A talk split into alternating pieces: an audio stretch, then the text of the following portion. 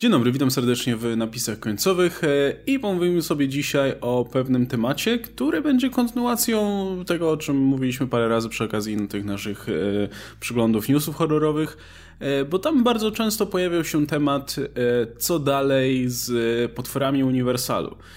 Bo oczywiście mieliśmy tę bardzo nieudaną próbę przypomnienia tej marki szerokiej publiczności w postaci Dark Universe i Dark Universe miało wystartować na Dracula y, Untold, tak? tak ten film się nazywał.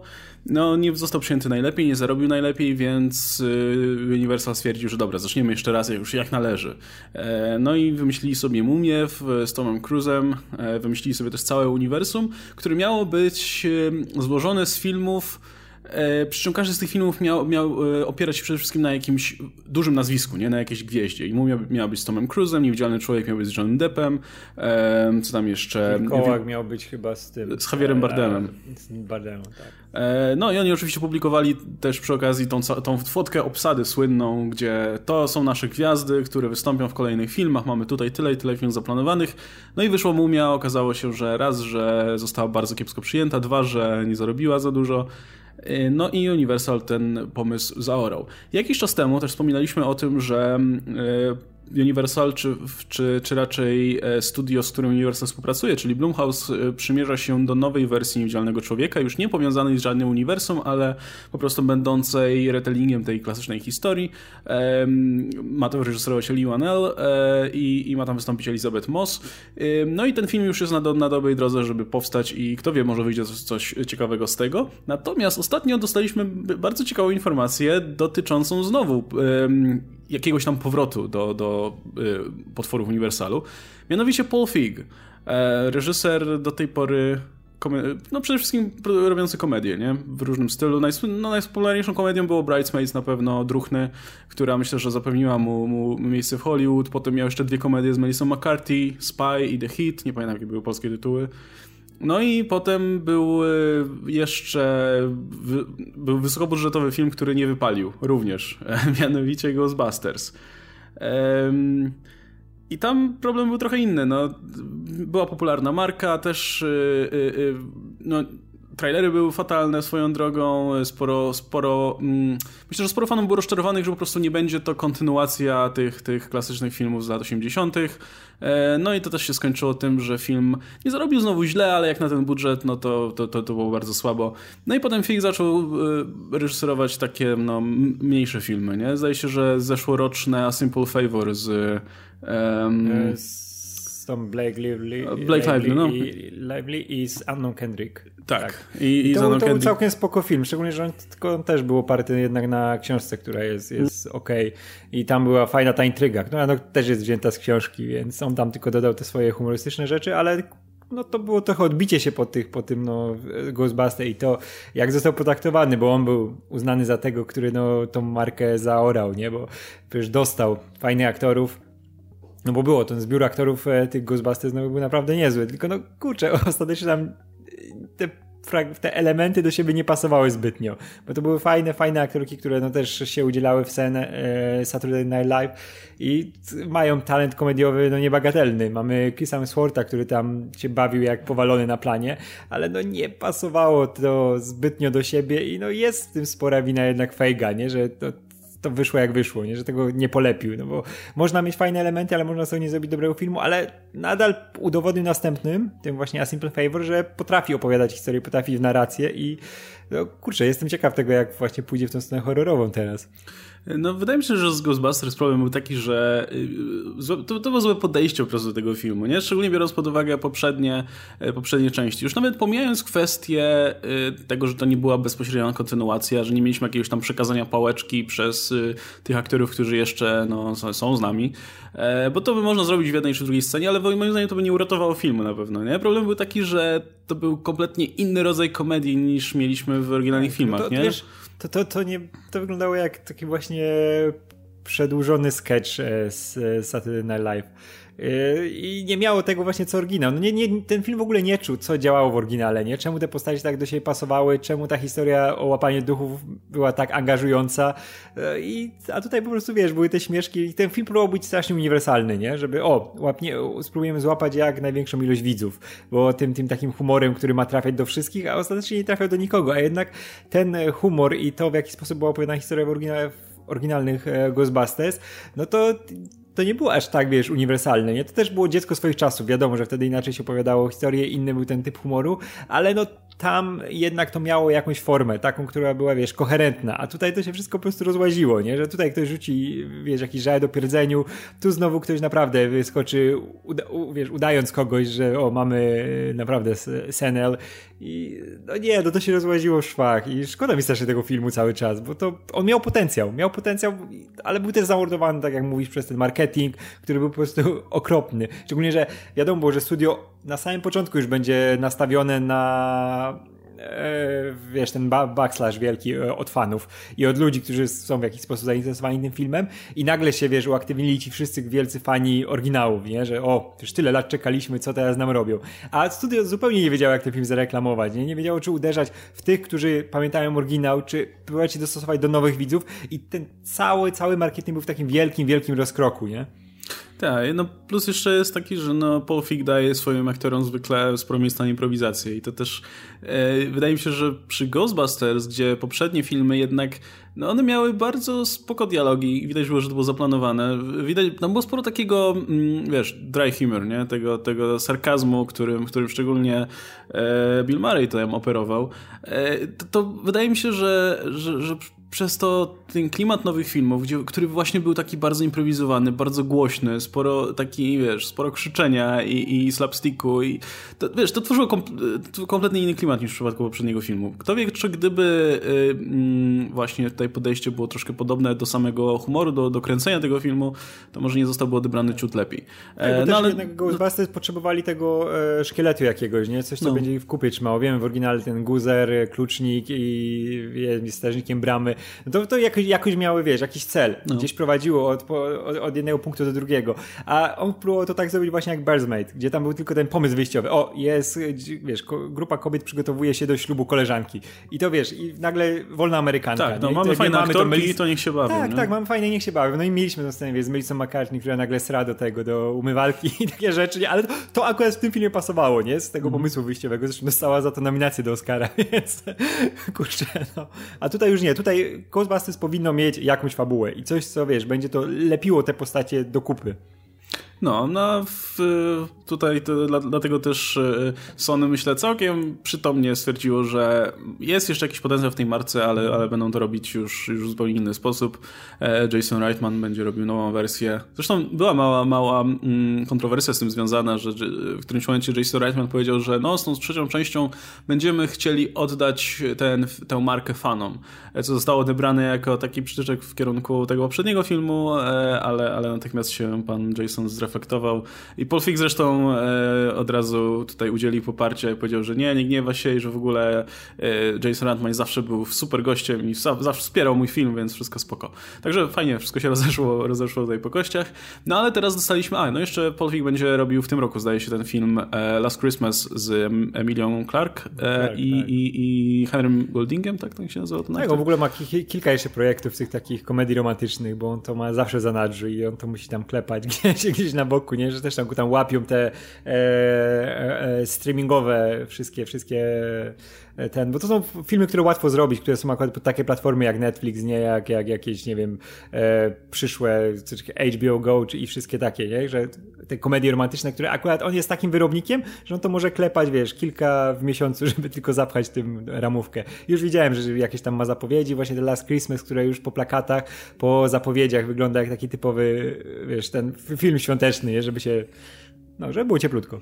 No, Paul Feig ma swoją wytwórnię, która właśnie tego typu filmy sobie robi, nie? Zresztą ostatnio jak, jak e, Fox został sprzedany Disneyowi, no to uciekł stamtąd do, do Universalu. Stąd pewnie wynika ta współpraca, o której będziemy teraz mówić. E, no mianowicie, wracając tutaj do tematu potworów, e, dostaliśmy informację o Deadline, że właśnie Paul Feig ma wyreżyserować i napisać film Dark Army. E, I ma być Dark Army? No nie mamy jeszcze zbyt wielu informacji, ale wiemy, że ma to być film, e, który weźmie na warsztat klasyczne potwory Uniwersalu, plus jakieś nowe potwory, no i wokół tego zbuduje jakiś, jakąś historię. E, co jest interesujące, to że no, nikt nie powiedział, że to jest w jakikolwiek sposób próba powrotu do jakiegoś wspólnego uniwersum, nic w tym stylu. To ma być po prostu film w jakiś sposób korzystający z tego dziedzictwa Uniwersalu. Miejmy nadzieję, że to, że no, no, że nie zaplanowali znowu żadnego uniwersum i tak dalej. Wydaje mi się, że to, te plany już raczej odłożyli na zawsze, prawdopodobnie. E, ale jestem ciekaw w takim razie, jak e, podchodzisz do tego pomysłu, zakładając, że nie skończy się jak z Ghostbusters i Paul Fick nie zatrudni Melissa McCarthy tam i e, innych swoich ulubienic i, i, i każe improwizować. Że, powiedzieć, że, wie, że już wiemy, kto będzie Drakulą w tym filmie.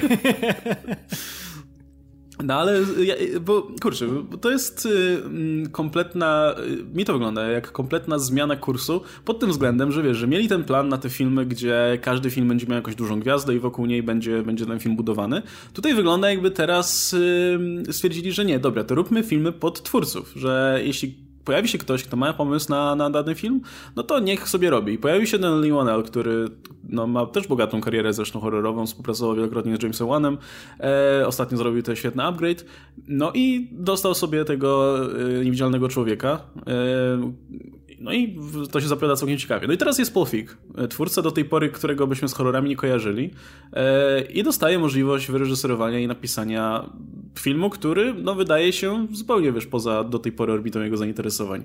E, choćby na tym poziomie to jest, kurczę, bardzo ciekawe. Tak, w ogóle wiesz co, to jest e, ciekawa droga po tym wszystkim, co już e, po tych rzeczach Marvelowych, nie? Że mieliśmy Marvela, który robi ten swój współdzielny uniwersum i nagle wszyscy chcieli, wiesz, to e, przeszczepić e, nas na swoją korzyść jakoś, wiesz, żeby na tym zarobić. Mieliśmy o, oczywiście to, co robiło DC, mieliśmy te potwory z e, Godzillą, te, które te potwory wszystkie z Toho próbowali zamienić też włączonym uniwersum i dalej to trwa, nie? Bo będziemy mieli tego Godzilla vs. Kong.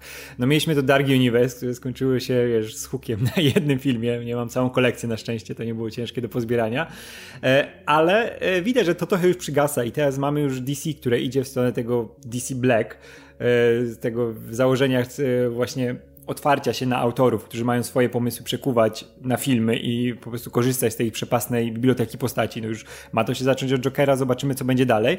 No ale widać, że Blumhouse idzie podobną drogą, nie? Jeśli chodzi o otwarcie się na autorów, że jeśli ktoś przyjdzie z jakimś konkretnym pomysłem, no to oni dadzą mu środki, żeby to w jakiś sposób zaadaptował i udostępnią mu tą e, bazę postaci, którą mają, wiesz, przepastną z Universalu, nie? E, I tak wyglądało pewnie w przypadku Invisible Mana, gdzie to też widać, że wyszło od pomysłu, nie od samego tego, żeby o, mam, musimy zrobić film niewidzialnym człowiekiem, spróbuj coś nad tym nadpisać, nie? Do tego twórco. Nie, tutaj widać, że to był najpierw pomysł na postać i on był zgłoszony, nie żeby jakoś to rozwinąć. I ciekawe, jak właśnie wyglądało to z Polem Feigiem, bo no nie, nie mamy wielu informacji na ten temat, nie?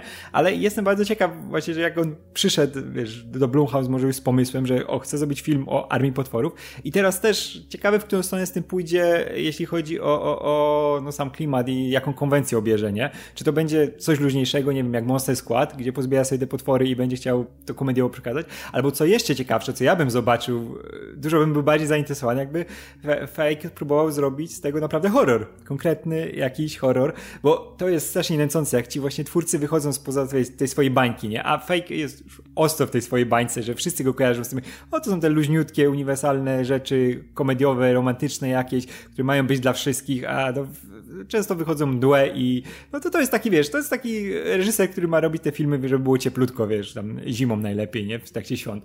E, I chciałbym, żeby on poszedł tą drogą, którą Todd Phillips teraz poszedł z Jokerem, którą e, też poszedł James Wan, tylko w drugą stronę, nie? On robił horrory, zrobił super kolorowy film blockbuster, który wyszedł naprawdę kapitalnie. E, I, I to mnie ciekawi, jak ten właśnie jego pomysł przedstawiony na ten film wyglądał, nie? Bo kurczę, to też chce ogarnąć całą armię potworów, nie?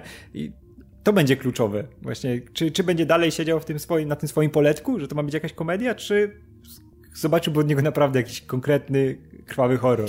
Znaczy, e, jedna rzecz, którą tutaj sprostuję, to to, że nie jest nigdzie powiedziane, że to będzie robić Blumhouse. To jest, jest na razie póki co powiedziane, że to, to... Ja już wiesz, poleciałem... Że to ma być dla Universalu, co właśnie celowo to zaznaczam, bo to też jest ciekawe, nie? że mm, spodziewałbyś się, że taki film będzie właśnie wolał robić Blumhouse za jakiś nieduży budżet, tak, tak. ale jeśli zrobi, to robi to, znaczy tak, y, no, film zostanie wyprodukowany właśnie przez tę wytwórnię, która należy do Pola Figa, więc jakby to jest jego własna inwestycja w ten, w ten, ten film tutaj.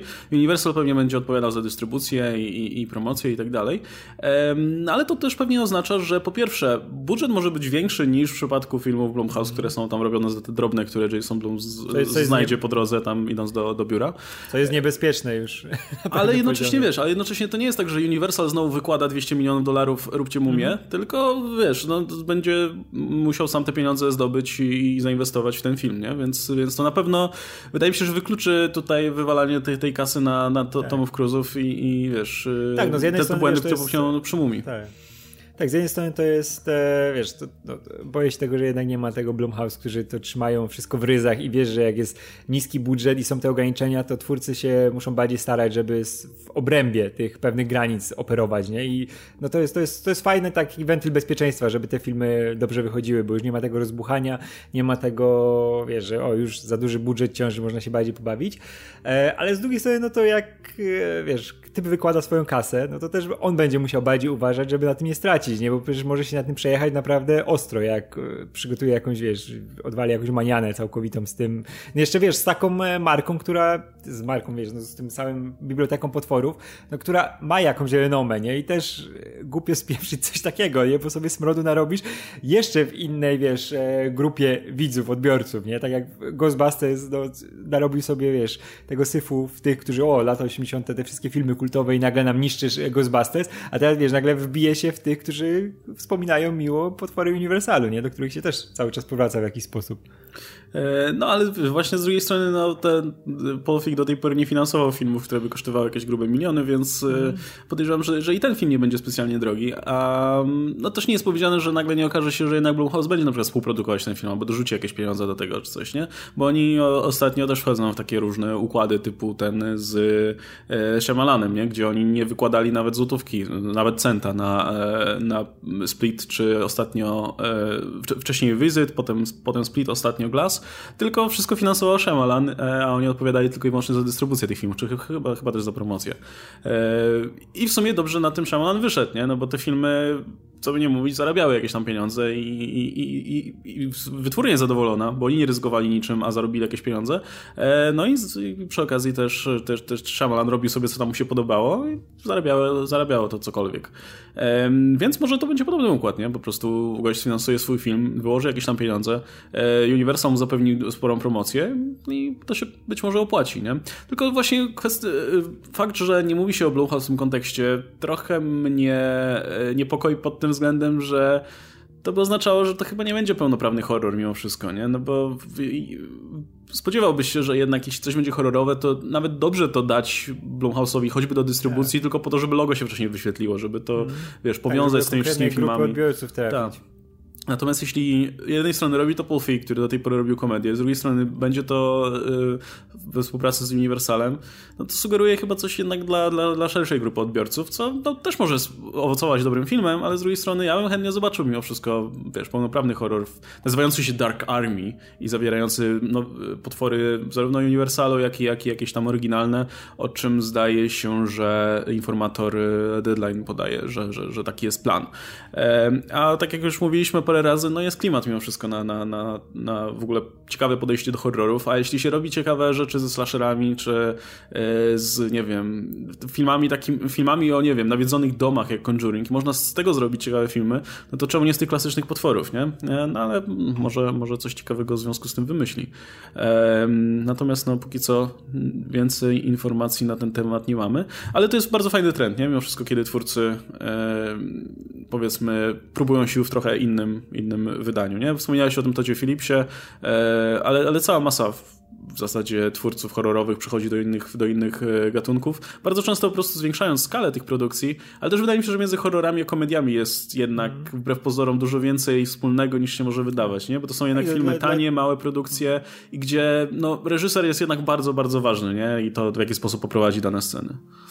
Tak, i też fajnie właśnie, że też studia w tą drugą stronę próbują ryzykować, zabie, wiesz, podbierając tych e, twórców, którzy do tej pory robią właśnie te jakieś horrory i, i, wydaje się, wiesz, kiedyś by tak było, że jakby robili te filmy, no, te swoje, wiesz, horrory czy coś, to by byli, wiesz, szybko za, zaszufladkowani, siedzieli tylko w tym gatunku i w pewnym momencie już by przestali robić te kinowe, już by zaczęli tylko klepać te rzeczy, wiesz, straight to DVD i, i wszystkie tam na platformy streamingowe, a tutaj mamy, wiesz, sytuację, gdzie Marvel wyciąga Scotta Derricksona nagle, żeby im robił Doktora Strange'a, Mamy tego e, na S, który zrobił e, David Shazama. No. Tak, Samberga, który zrobił Shazama, nie? I też to jest fajne, bo masz tą konwencję, która już jest taka, no już ją, już ją znasz na wylot, nie? Ale oni dodają właśnie coś o ciebie, bo wiesz, że oni też nie mogą całkowicie uciec od tych swoich fascynacji, nie? Dlatego mamy w tym Strange'u wyraźnie zaznaczone, że no, chciał wprowadzić te elementy horrorowe i mam nadzieję, że w tym, e, w tej kontynuacji w dwójce, no to już pójdzie na dobre i, i tam przeszczepi ten horror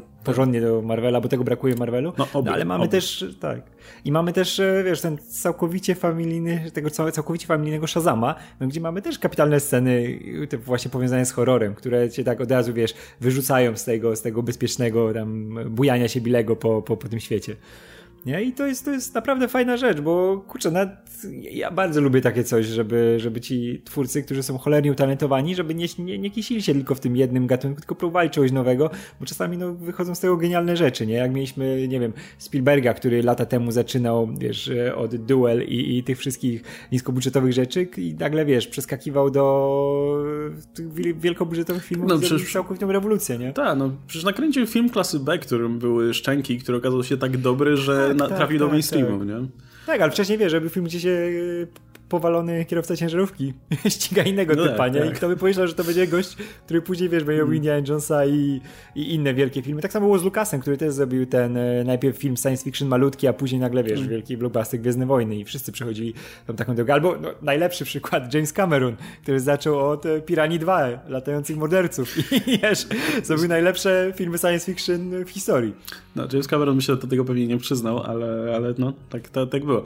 E, no i wydaje mi się, że w ogóle wiesz, jesteśmy, jesteśmy w tej epoce, kiedy ta granica między ym, kinem gatunkowym, a tym kinem takim bardzo mainstreamowym się, się zaciera znowu zupełnie, nie? Tak jak w latach 70. zaczęły się pojawiać horrory, które no, przeszły do mainstreamu, nie? I się je wymieniało w gronie po prostu najlepszych filmów, jakie wówczas powstawały, nie? Z Egzorcystą, Dzieckiem Rosemary i tak dalej. Tak wydaje mi się, że, że teraz też mamy ten moment, kiedy no, klimat się zupełnie zmienił trochę, znaczy zupełnie inaczej kino wygląda dzisiaj niż, niż te 40 lat temu, ale y, też widać to zatarcie, nie? Szczególnie, no właśnie, do, do tych twórców, których wymieniłeś, mo, można e, Muskietiego wymienić, nie? Z, z e, It, czy wcześniej tego horroru Mama, który też Warnerowi za, za, za, zarobił całkiem sporo pieniędzy, który w zasadzie, e, i też gadaliśmy o tym w przeglądzie box office, że e, od tego suk wielkiego sukcesu It, horrory w zasadzie zarabiają coraz lepiej i jak prześledzisz sobie pięć ostatnich najlepiej, pięć najlepszych otwarć, e, jeśli chodzi o horrory, to wszystkie, to, to masz It i cztery filmy, które wyszły po It. E, tam jest It 2, Zakonnica, co tam jeszcze, Halloween na przykład, nie? I widać, widać, że to horrory się tak mocno przybijają do mainstreamu, że te transfery między, wiesz, twórcami będą coraz częstsze, nie? Będzie, mm, wydaje mi się, że coraz częściej będzie się, szczególnie, szczególnie właśnie wysokobudżetowe kino będzie sięgać po tych twórców, którzy już się przy horrorach sprawdzili, nie? To jest e, taka sinusoida, nie? że ten horror zawsze wraca na to podium tego mhm. gatunku mm. takiego niby, że albo siedzi w tym takim całkowicie, wiesz, e, piwnicy i są te wszystkie, jakby mieliśmy slashery i te lata 80., gdzie znowu wszedł do podziemi, ale mieliśmy Universal, gdzie to było najpopularniejsze kino, nie? Wszyscy czekali na nowe potwory, jakie tam się pojawią. Później mieliśmy lata 70., wiesz, i 60., 70., mieliśmy Egzorcystę, mieliśmy Dziecko Rosmery, mieliśmy Omen, nie? To były, kurczę, wielkie blockbustery. Wszyscy, wiesz, wszyscy kochali wtedy horrory, później znowu zeszły do podziemi i, i wiesz, i znowu mamy ten powrót widać horroru do tego, wiesz, korona znowu jest założona na horror zakłada koronę i znowu jest na podium i kurczę, strasznie mi się to podoba, bo ja kocham horrory i lubię jak one są jednak doceniane, nie? I znowu są takie, wiesz, glamour, wyskakuje ci ten it i o, ale fajnie, nie? No właśnie, co, dlatego, dlatego to jest właśnie coraz mniej będą nas dziwić sytuacje, w których e, dla twórców, którzy operowali w zupełnie innych rejonach kina, to będzie bardzo atrakcyjne, żeby jakiś horror nakręcić nakręcić, nie? Bo raz, że no, to na pewno jest jakieś ciekawe wyzwanie twórcze, a dwa, że to też daje sporą ekspozycję jednak, nie? Jeśli zrobisz film, który nie będzie miał super wielkiego budżetu, a jednocześnie e, rozejdzie się bardzo szybko, no bo te, te, też widownia te horrory lubi. E, zresztą wystarczy spojrzeć na Johna Krasińskiego, nie? Który po A Quiet Place jego kariera nagle nabrała sporego rozpędu. E, bardzo mnie na przykład cieszy, że Edgar Wright będzie próbował swoich sił teraz w horrorze. On co prawda miał choćby e, Wysyp Żywych Trupów, no ale to był komedio-horror bardziej, nie? Bardziej, bardziej komediowy niż horror mimo wszystko. E, natomiast no teraz ma robić pełnoprawny horror. E, Last Night in Soho ma się nazywać I, i, no nie wiemy jeszcze do końca jak będzie wyglądał, ale jest zapowiadany jako psychologiczny horror, więc to brzmi jak coś zupełnie innego niż, niż to co robił do tej pory Wright. A w obsadzie Anna Taylor-Joy, która już e, w powiedziałbym, że w dwóch horrorach wystąpiła, ale ciągle nie wiem jak New Mutants wyszło, więc, więc no The Witch by było super. I Matt Smith, w ogóle jest, Matt Smith wreszcie zagra w czymś. Choć aczkolwiek cały czas się mówi, że, że ma jednak wystąpić w tych Gwiezdnych Wojnach nowych, więc też trzymam kciuki. Mam nadzieję, że będzie. No i mieliśmy ostatnio na przykład z tych właśnie, jak mówimy o tych twórcach, którzy też próbują siły w horrorach, mieliśmy Jima Jarmusza, który sobie spróbował swoją historię opowiedzieć. I dlatego ja po Jarmuszu teraz tylko czekam, aż e, Wes Anderson wyskoczy, wiesz, takim, ale takim na żywca, wiesz, jakimś brudnym horrorem, nie? Wyobrażasz to sobie? Jak, wiesz, leje się po sokach, ja jakieś pieprzone nogi, tak. ale wszystko, wszystko, wiesz, pastelowe kolory, zachowana ta struktura. Ej, po, po Midsommar? Ja, jestem, ja spokojnie obejrzałbym horror z pastelowymi kolorami wszędzie i wiesz, ładnymi kadrami, bo, bo można bym. E, kurczę, autentycznie na serio bym zobaczył, zobaczył coś takiego. Wiesz, ale, ale wiesz, wiesz ale zachować, zachować tą, tą, ten klimat Andersonowy, ale wprowadzić w taki całkowity niepokój, nie? No. Że coś jest naprawdę coś jest pojebanego w tym jego wiesz, pastelowym świecie pięknym. Nie jest, kurczę, to nie jest trudne w przypadku filmów Andersona mimo wszystko, bo tam nie. lekko byś, po, wiesz, popnął klimat troszkę w jedną stronę i już masz totalny niepokój, tak. bo, bo, bo jego one, one mają coś takiego. takiego właśnie, no. takiego czystego przere, przerażania, nie? Tylko to one no. są zawsze przełamywane przez to, że to o nie, to są tam marzenia dziecięce, o takie, no, no, no wiesz, takie... wróżki, zębuszki i te rzeczy, nie? A tam można strasznie łatwo wprowadzić jakiegoś, wiesz, stracha. On by świetny id na przykład mógł zrobić, wiesz, jakby w te swoje, nie wiem, e, Moonrise Kingdom nagle tego Pennywise'a mm. tam wkleił, nie? No. To było tak przerażające. No nie, no ja totalnie, totalnie bym oglądał. E, także czekam jeszcze tylko w zasadzie... Mm, Jedyna rzecz, która została, no to nagrody jeszcze, nie? No bo te horrory tak średnio są doceniane póki co, w, jeśli chodzi o ym, sezon nagrodowy, ale jeśli odnajdą się jeszcze na Oscarach, to myślę, że już zupełnie y, będziemy można mówić o, o tym, że wróciły do łask zupełnie. Przynajmniej na jakiś czas, bo zobaczymy. Tak, tak. No, to, kurczę, już jesteśmy na tym poziomie tych złotych lat, że to prawie są te lata 70. No już im tylko brakuje tych nominacji do Oscarów, nie? Mhm. E, jeśli, jeśli, filmy komiksowe się doczekały e, nominacji do, do, do Oscarów, mieliśmy w zeszłym roku, pewnie w tym roku też będzie, e, no, no to może i horrory. A to jest, wiesz, o krok, bo jednak i te pomysły powróciły do takich naprawdę świeżych y, i zaskakujących, no, jak Midsommar, jak i też sposób, w jaki się kręci te filmy, jak one wyglądają. No, It, które wygląda naprawdę kapitalnie pod względem wizualnym, nie pod względem też e, samego prowadzenia opowieści. No, wiadomo, w dwójce to było te naleciałości już kingowskie i tego, i materiału źródłowego, ale pierwsza część, ona jest nadal kapitalna jako cała struktura, nie? Połączona z tym e, maestrem wizualną, e, to mówię, to jesteśmy o krok od znowu tego prowadzenia tak już na całe, wiesz, horrorów na salony, bo one jeszcze cały czas próbują, nie? Już Midsommar jest takim, który a, już jest tak blisko tego artystycznego, wiesz, poziomu, że już zaraz go będą gdzieś tam, wiesz, nominować do wszystkiego, ale mm. jeszcze, jeszcze o krok. No, no ale to, szczególnie, że wiesz, że, że, że, horrory w tym momencie też trafiają do bardzo różnej publiki, nie? W tym momencie masz horrory, które -hmm. są i właśnie typowo festiwalowe, jak, de, jak ten Lighthouse, który nadchodzi, nie? Który, który mam nadzieję, że On też... może namieszać o... To może namieszać. No, jeśli, jeśli nie w, w tych kategoriach filmowych, to może aktorskich, chociaż zobaczymy. Mhm. no, ale masz, masz też te właśnie filmy takie jak It, które są kierowane do bardzo szerokiej publiki, nie? Jak ja byłem na swoim seansie. Co prawda ta druga część zarobiła troszkę mniej niż pierwsza, ale e, wiem, że, że sporo osób się na ten film wybierało. Jak byłem na sali, to widziałem, że, że, że jest tam tłum ludzi, którzy najpewniej do kina aż tak często nie chodzą, ale na ten film koniecznie chcieli się wybrać, bo, bo to It i Clown i, i tak dalej, więc... U mnie były, wiesz, rodziny z dziećmi małymi. W ogóle.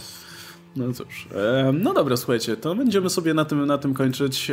Myślę, że w najbliższym czasie jeszcze pomówimy generalnie o tych filmach w kontekście nagród, w kontekście tego, co warto będzie zobaczyć przy okazji e, festiwalu w Toronto, który swoją drogą niedawno się e, zakończył i nagrodę publiczności, czy to najważniejszą nagrodę na tym festiwalu dostało Jojo Rabbit, o którym też gadaliśmy jakiś czas temu e, i gadaliśmy też o tym, że mm, tam było tak sobie, jeśli chodzi o recenzję. W tym momencie już tych recenzji pozytywnych przybyło, więc, więc film ma bardzo, już, już możemy mówić o pozytywnym odbiorze. E, co też pewnie będzie oznaczać nominację Oscarową i to też jest też fajny prognostyk, że, że tak różnorodne kino w tym momencie jest nagradzane. E, tak, ale... ja na przykład wiesz, teraz też, też, też, że na przykład jak mówisz, że właśnie Jojo rośnie, to na przykład The Joker też troszkę poszedł w dół, nie? I, a dla mnie, dla mnie to jest akurat coś dobrego, bo ja chciałbym, żeby ten film jednak był taki e, troszkę polaryzujący i żeby był, no żeby te zachwyty też nie były, bo te pierwsze recenzje to już mi się wydało, że one mogą mi trochę przesadzone te zachwyty. Ja bym chciał, żeby jeden film nie był, wiesz, tak jedno, jednorodny, nie? A już widzę po tych recenzjach, że to będzie coś ciekawszego niż się wydawało po pierwszych, nie? Że to był ten taki, taki czysty zachwyt, że o, ten film e, zmieni całkowicie e, świat e, filmów komiksowych, nie? A tutaj widać, że jest tam za nim coś więcej, nie? Niż tylko ten taki pierwszy zachwyt. I to mnie bardziej ciekawi niż właśnie to, żeby on tam miał, wiesz, te 90 na Ponidorach czy 99.